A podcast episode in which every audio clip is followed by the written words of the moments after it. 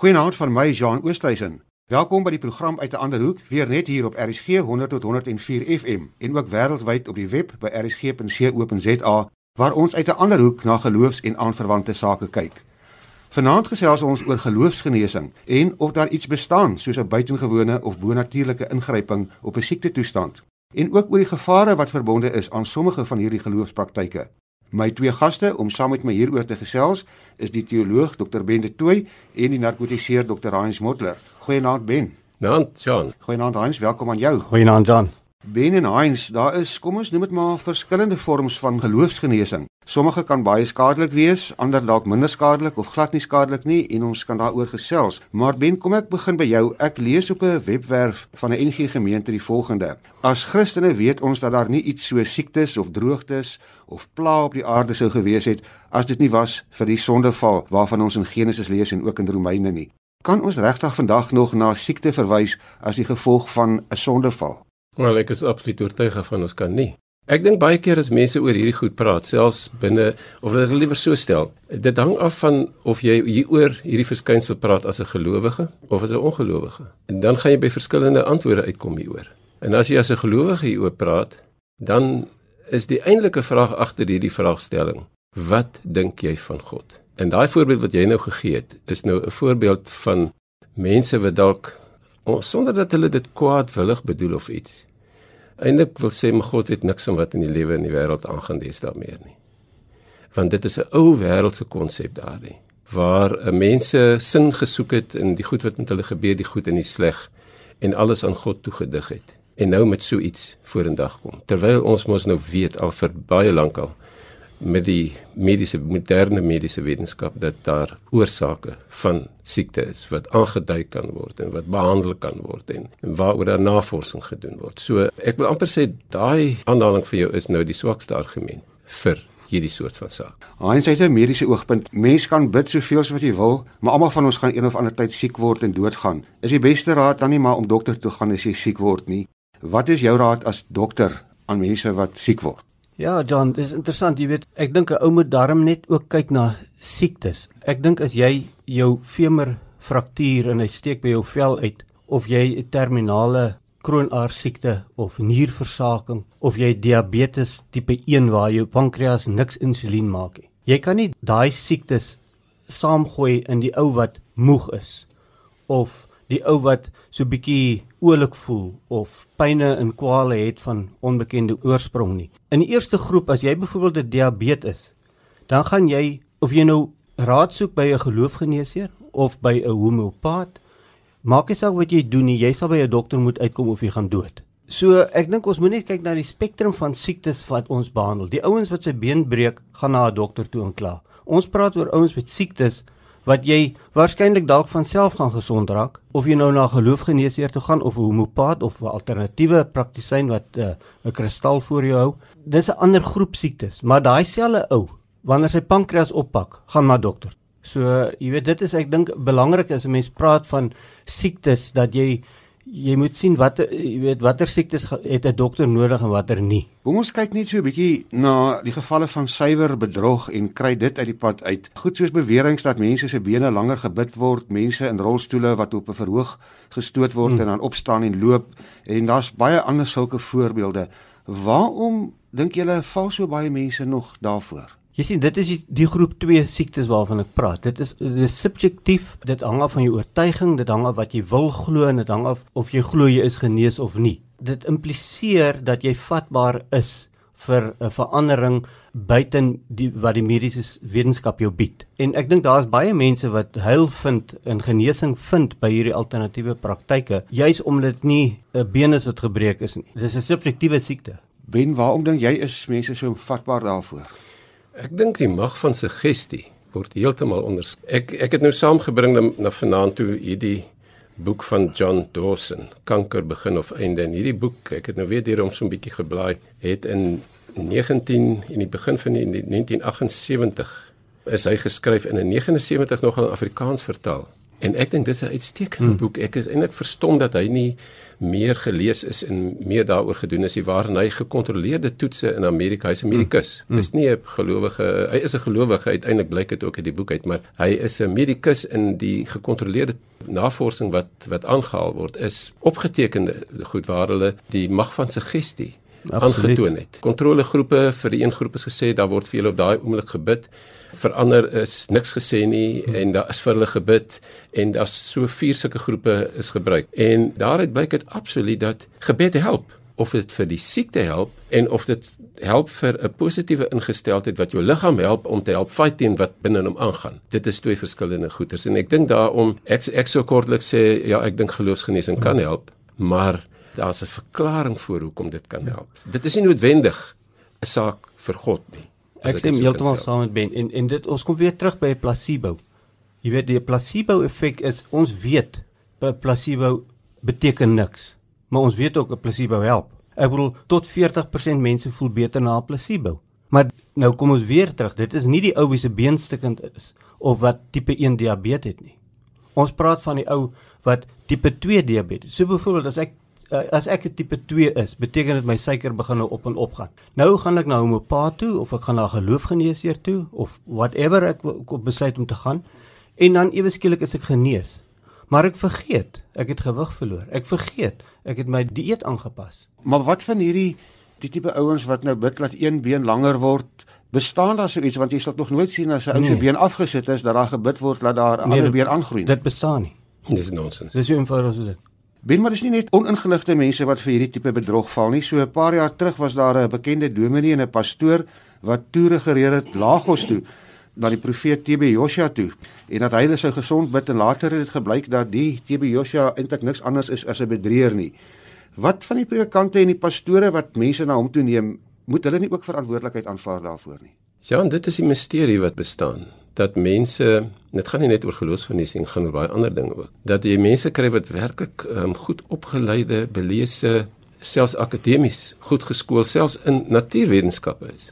Maar wanneer dit by spirituele goed kom of by God dan is dit asof dit wat hulle weet wat hulle logies en wat hulle rasioneel weet wat hulle kognitief die by wyse van jare se studie en alles hulle eie gemaak het dood eenvoudig nie relevant nie dan kry jy daai vreemde ding en ek dink nie 'n mens moet dit spot nie. Ek dink 'n mens moet dit belaglik maak nie. Die vraag is wat is dit wat dit maak? Wat is in die onderbewuste van mense hoe hulle grootgemaak is en hoe hulle van kleins af geleer het om mm. oor die wêreld te dink en oor mense mm. en oor God te dink? Wat is die rol wat dit speel? Maar dit is 'n dit is 'n absolute verstommende verskynsel dat jy dit kry.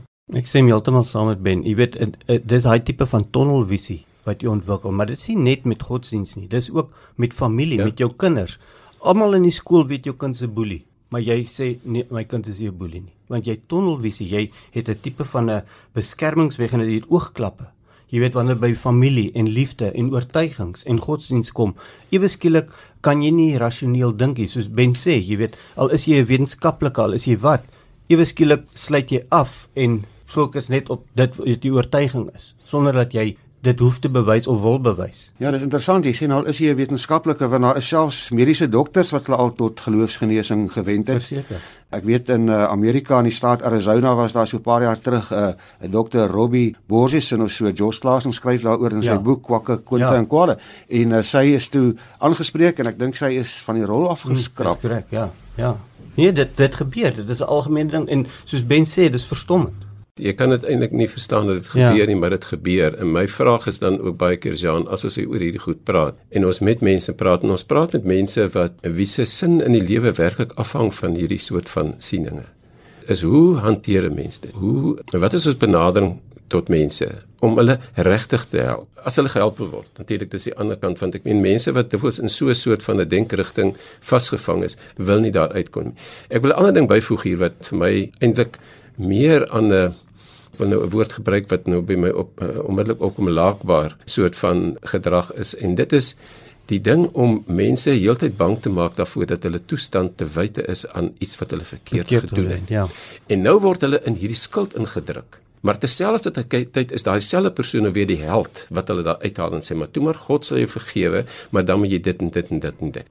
Dis 'n laakbare ding. Ek bedoel dit is misleiding deur mense wat 'n mens van beter moet weet en as 'n mens van sulke praktyke moet weet dan dink ek is dit nogal belangrik dat dit uh, ek meen dit is amper soos wat daar moet 'n sondekommissie ingestel word om om mense. Daar's nou juis in die land rondom die kommissie vir die vryhede van kultuur uh, in logistiek en godsdiens. Is daar hierdie saak van dat daar praktyke in die kerk is uh, kerke is of godsdiensgroepe wat, wat werklik waar hmm. mense uitbuit wat dit aanbetref en wat aangespreek moet word selfs ja, deur wetgewing. En dan raak dit dit raak opportunisties en jy weet die ding is as jy godsdiensgenesing of wat alternatiewe metode jy van op besluit gebruik vir die placebo effek is daar per se niks fout daarmee.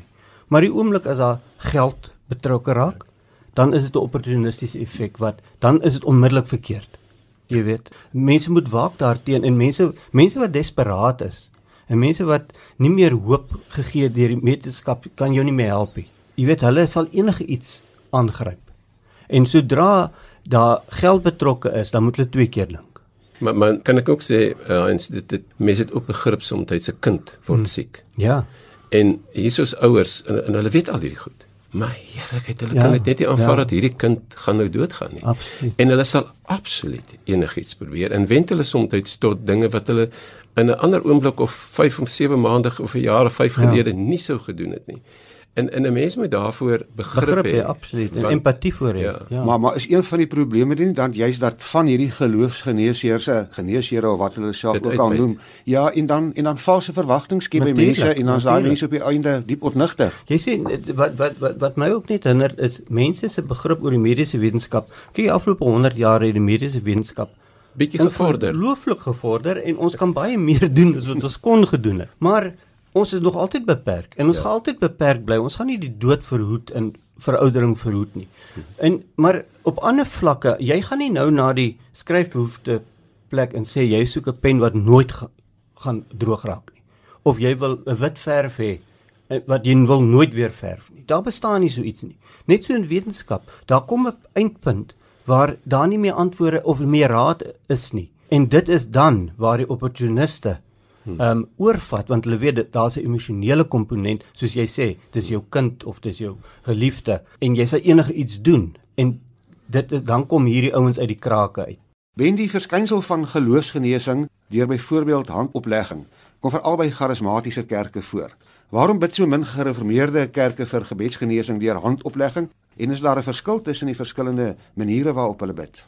Jean, jy sal onthou toe ons begin het, het ek gesê as ons binne die konteks van mense wat glo is praat, dan sou jy kon aandui dat dit iets te doen het of hulle bepaalde siening oor hierdie soort van sake te doen het met hoe hulle oor God dink. Vir gereformeerdes Ek trouens, ek wil net dit sê, dis 'n interessante ding dat binne die gereformeerde kerk leer en dogma vir al die jare is een van die dinge waarteen gewaarsku word is jy's 'n wondergeloof. Ons geloof mag nie berus op grond van wondere nie. Daar's Bybelse verwysings daarna van Jesus wat aangehaal word om dit te sê met anderwoorde, want net nou gebeur die wonder nie of wat ook al dan verloor jy jou geloof. So daar's nog 'n baie sterk anders sien rondom die ding uit 'n gereformeerde tradisie meer tradisioneel gesproke. Dit sluit aan by jou antwoord of die antwoord op jou vraag.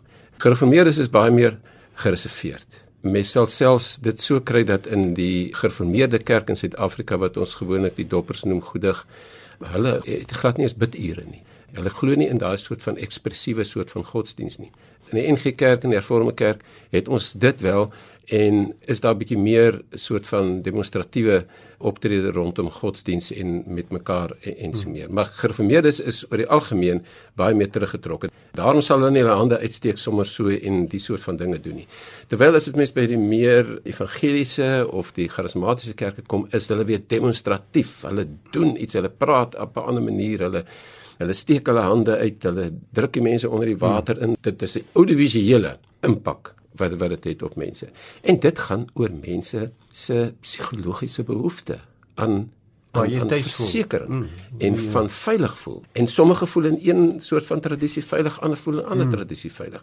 Vir sommige is dit 'n oneerbiedige manier om aan te gaan met God. Vir ander is die gereformeerdes weer gevrek. Hulle God het geen regte energie nie. So dit gaan oor en dis moeilik om dit te byt as jy in die gelowige konteks is. Dit gaan oor hoe mense oor God dink. Dis interessant die bekende Dominee Andrew Murray was so oortuig daarvan dat hy sy volle gesondheid deur geloofsgenesing teruggekry het dat hy 'n boek uitgegee het, Jesus die geneeser der kranken. Maar ook hy het later ingesien dat daar eintlik nie 'n lyn getrek kan word van 'n bepaalde sonde na 'n bepaalde siekte nie, soos wat jy nou net na verwys het. Maar Heinz het gesê hy het 'n paar tekste vir ons. As 'n medikus en, en ek is baie geïnteresseerd daarin. Ek gaan nou daarby kom. Ek wil net vir Heinz vra, wat van psigosomatiese siektes, Heinz, kan geloof nie dalk daar 'n rol speel in herstel nie? Nie noodwendig geloof in 'n God soos wat Ben nou nou genoem het nie, maar ook geloof of vertroue in die dokter of in die pasiënt self tydens die herstelproses want genesing lê tog op verskillende vlakke in die waar. Absoluut, absoluut. Kyk, 'n groot rol van 'n mediese dokter is maar om 'n sieke trooster ook te wees. En dit is oor die vertroosting wat jy verskaf. Dis oor die ondersteuning. Ek verstaan wat wat is ja. jou probleem en jy weet daar is hulp. Daar kan yes. dis dit gaan oor gesels. En jy weet meeste mense as jy 'n probleem het en jy kom na my toe en jy praat daaroor 90% van die antwoorde gee jy eintlik aan jouself net deur met my te praat. Ek moet nou net 'n oor wees. Ek moet net daar wees vir jou. En en dit is hoekom geloofgenesing of mense wat gaan dat mense gebid voor word om gesond te word so 'n belangrike komponent is want dit is iemand wat luister, iemand wat verstaan, wat begrip het en jy saam los jy die probleem op. Of of met 'n gesag praat. Nou ja, Daar's so mense, sommige mense is gesag en, en as hierdie persoon hierdie misterie het van die gesag van God agter hom of haar, mm. dan maak dit op sommige mense geweldige indruk. Ja, en hulle ja. nou hulle mens versigtig wees om daaroor te praat, maar binne bepaalde kulturele kontekste ja. maak dit 'n enorme verskil. Ja, presies. 'n Veilige hawe. Jy jy weet jy voel jy raak genees wanneer jy veilig in voel. Jy het nou net na die placebo effek verwys hmm. Hans. So 'n mens kan 'n verband trek tussen die tipe van Definitief, definitief 'n placebo. Ehm um, dis eintlik nog 'n sterker placebo as wat jy net 'n suikerpilletjie drink. Jy weet want daar's interaksie en daar word gedink. Dis nie net jouself wat glo hierdie ding gaan my genees nie. Jean, miskien met 'n slag iemand net placebo verduidelik want dit het al vorige keer ook op die programme genoem. Miskien ja. moet moet uh, mindset vir ons sê wat bedoel word. Dit is wanneer wanneer jy sê sê nou maar jy jy sê nou maar hoofpyn en daar's twee pille en hulle sê vir jou die een is 'n hoofpynpil en die ander een is nie 'n hoofpynpil. En dan word dit vir verskillende mense met hoofpyn gegee en dan kyk jy watter mense sê maar hy het verligting gekry en na die tyd dan kyk jy wie werklik die hoofpynpille gekry. Dan vind jy dat tot 40 of helfte van die mense wat nie hoofpynpille gekry het nie, het beter gevoel en dis die placebo effek. So jy dink jy kry iets wat help en nou voel jy sommer beter al is dit nie wat jy gekry het nie. Wen ek wil terugkom na iets waarna jy nou-nou so vlugtig verwys het en ek wil sê geloofsgenesing kan ook soms 'n pastorale probleem skep wanneer genesing nie intree nie en dan word die kwaliteit van iemand se geloof bevraagteken of daar word gesê dit is straf op sonde of daai tipe van ding. Dit kan tog redelike skadelike gevolge vir die persoon hê wat met daai skuldgevoel moet rondloop. Ja, nee, maar definitief. Ek meen dit is waar mense in 'n gelo sogenaamde geloofstryd kom. En dis waar ek regtig net dink dat gesprek soos hierdie en ook om beter geïnformeerd te wees oor hoe werk siektes en so meer vir mense kan help. Dit is onnodig. Selfs al is jy 'n diep gelowige mens, is dit onnodig om in so 'n geloofstryd te kom. Weereens is dit hoe dink jy oor God? Is God hierdie een wat nou staan en kyk wat jy nou gaan doen sodat as jy dit nou nie doen dan gaan jy nog seker laat word? En dit is maar eintlik verskriklik dat die Christelike boodskap wat 'n boodskap moet wees van verlossing en van bevryding heeltyd weer aan die gang gehou word met hierdie vermeende skuld wat net nie heeltemal wil weggaan nie. En mense uiteindelik bang is enig as hulle doodgaan gaan hulle ergens voorgestaan word oor dit wat gebeur het. En dit dink ek is so 'n hartseer ellendige saak hmm. van dit behoort nie so te wees nie Hans, maar daar is tog gevalle waar dokters gesê het dit is medies gesproke onmoontlik dat daai persoon gesond kan word en dat daar geen hoop is nie. Pasiënte wat aan ongeneeslike siektes hmm. ly, hoe verklaar 'n mens dit? Baie van dit kan nie verklaar word nie, maar baie van hulle kan ook verklaar word. Om vir jou sê maar 'n eenvoudige voorbeeld te gee. As ek 'n tumor het, 'n tumor moet ook aan die lewe bly. Hy moet ook 'n bloedvoorsiening hê. En ewe skielik gebeur iets in die tumor draai of ondergaan torsie en hy sny sy eie bloedvoorsiening af dan gaan hy sterf. Dan gaan die tumor dood. Dan is hy weg. So snaakse goed kan gebeur en dan ewe skielik is hy genees. Nou sê nou maar jy was by 'n geloofgeneesheer en dit gebeur. Dan is die aanname dis omdat hulle vir my gebid het, nou is ek gesond. Maar maar is ook gemaklik om te vergeet dat dieselfde gebeur ook in ateïste. Dit gebeur nie net in mense waarvoor gebid is nie. Dis waar ons terugkom by die tonnelvisie. Jy moet 'n oop gemoed hê. Jy moet 'n jy moet verstaan hoe die wetenskap werk of dit ten minste probeer uitvind om te sien maar daar is verklaringe vir baie van die goeters wat jy dink is 'n wonderwerk. Nee, nie goed wil ek byvoeg waarvoor daar nie verklaringe is nie. Erken die wetenskap Ja. en sê maar dit is juist hoekom ons aanhou navorsing En oor 10 wil jaar gaan ons dalk 'n verklaring Ja. Wen maar hoe moet ons dan die tekste in die Bybel verstaan wat direk verwys na gebedsgenesing en na talle sulke tekste? Hoe moet 'n mens daai genesingsverhale lees? Die bad van Bethesda, Jesus wat blindes laat sien het, lammes laat loop het, het dit werklik gebeur of is dit simboliese verhale? Hoe moet ons dit verstaan? Ek wil oorgie aan my mediese. Ek is seker dit het gebeur, maar weer eens moet mense dit ook in konteks sien. As jy en ek het al 'n lys gemaak van al die wonderwerke van genesing en dit is verbasend hoe groot psigiatriese komponent is deurlopend in baie van hierdie gevalle bespeer. Maar dan moet jy ook weer terugdink aan siektes van daai tyd. Byvoorbeeld, om 'n simpel weer in soos die tumor wat ek genoem het, kan 'n mens 'n simpel voorbeeld noem. Ergotisme. Dis 'n tipe toestand wat jy kry wat gekenmerk word deur enaardige psigiatriese en simptomatiese klagtes. En dit kry jy rog van rog wat jy brood mee bak. En dit was die stapelvoedsel daai tyd. En so nou en dan, elke paar jaar, is daar 'n uitbreek van 'n swam wat op die rog groei, claviceps swam. En die oomblik as jy dit het, dan kry jy ergotisme wat 'n vergiftiging is. En die pasiënte het almal begin halusinasies kry en hulle is blindheid en hulle kan nie loop nie en hulle sien gedrogte en hulle sien weerwolwe en hulle sien sulke goeters. Sodra hulle nie die blootstelling aan daai stof het nie, dan is dan is hulle weer gesond. Volgende jaar is daai fungus nie daar nie. Dan gebeur dit nie weer nie. So baie van hierdie kan dalk aan dit verklaar word want dit was baie algemeen daai tyd. Deesdae kry ons nie meer daai vergifting nie. Dis hoekom ons ook nie meer weerwolwe sien nie want ons het nie meer daai vrese vir goeters omdat ons nie claviceps vergiftiging kry.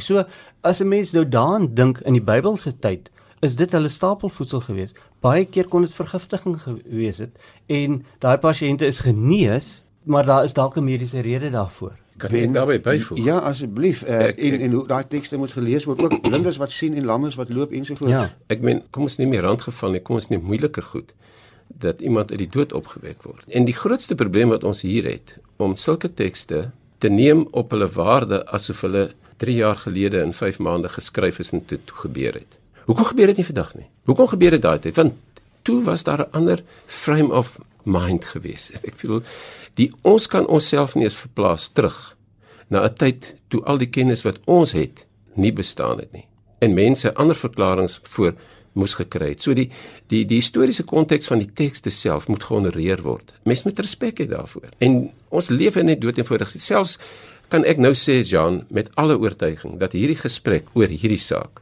het nog nooit voorheen op so 'n wyse plaasgevind soos vanaand nie. Omdat ons soos soos vanaand hier sit, meer weet as 'n jaar gelede oor honderde dinge en oor blootgestel is aan die tegnologie en aan die wetenskap met ons selfoon goeders en alles ek meen ons is met die hele wêreld in verbind onmiddellik ons is net op 'n ander plek en om ons nou te verplaas na daardie wêreld in daai tyd sonder al hierdie goeders is punt 1 onmoontlik en tweedens om so teks uit daai tyd te vat en dan te besluit dit gee nou vir ons norme van hoe goed moet gebeur en nie kan gebeur nie is dood eenvoudig nie verstandig nie Jy weet wat ons nou begrip is oor dood. Nou, wat het in die Bybelse tyd, wanneer was iemand vir hulle dood? Hulle het nie geweet van iemand wat vergiftig is nie. Hulle het nie geweet van iemand wat in 'n koma is nie.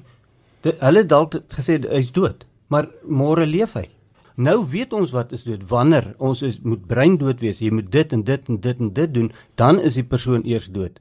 So mense moet alles in die konteks sien, jy weet in die, jy moet dit nie net as 'n verskoning gebruik, 'n oningeligte verskoning van daai tyd was dit dan daar nie. Jy weet 'n mens moet probeer daai oogklappe afhaal en dit in konteks sien. Ek wil eintlik daarbey aansluit deur te sê Jean, as mens dit nie doen wat Heinz nou gesê het nie, dan in die konteks van vandag se kennis en inligting, maak jy eintlik van jou geloof 'n belaglikheid Absoluut. en van die geloof in 'n metafisiese wese Ja. wat hier oorbeheer. En dis jou skuld. Jy Dis nie ondermyn dis nie Ja. wat in die Bybel Dis nie staan. dis nie omdat dit die wetenskap dit sê nie, Ja. maar jy doen dis dit. jy wat dit doen. Presies, ek stem heeltemal daarmee saam. Baie dankie. Ons sal sommer nog lank hieroor kon gesels het, maar ongelukkig is ons tyd verstreke en moet ek groet. Baie dankie aan my gaste, die teoloog Dr. Ben de Tooy en die narkotiseer Dr. Hans Motler vir julle deelname. As jy wil kommentaar lewer, kan jy vir my 'n SMS stuur na 45770 teen R1.50 per SMS of besoek ons Facebookblad uit 'n ander hoek waar ek ook van die SMS kommentaar na afloop van die program sal plaas. Vanaand se program, as ook al die vorige programme, kan ook as 'n potgooi op RSG se webwerf afgelaai word. My e-posadres is jean.oosthuizen@gmail.com en my Twitter-handvatsel is jeanoost. Baie dankie dat jy saamgeluister het. Van my Jean Oosthuizen, goeienaand en totsiens tot volgende week, weer dieselfde tyd net hier op RSG. Geniet die res van jou Sondag aand.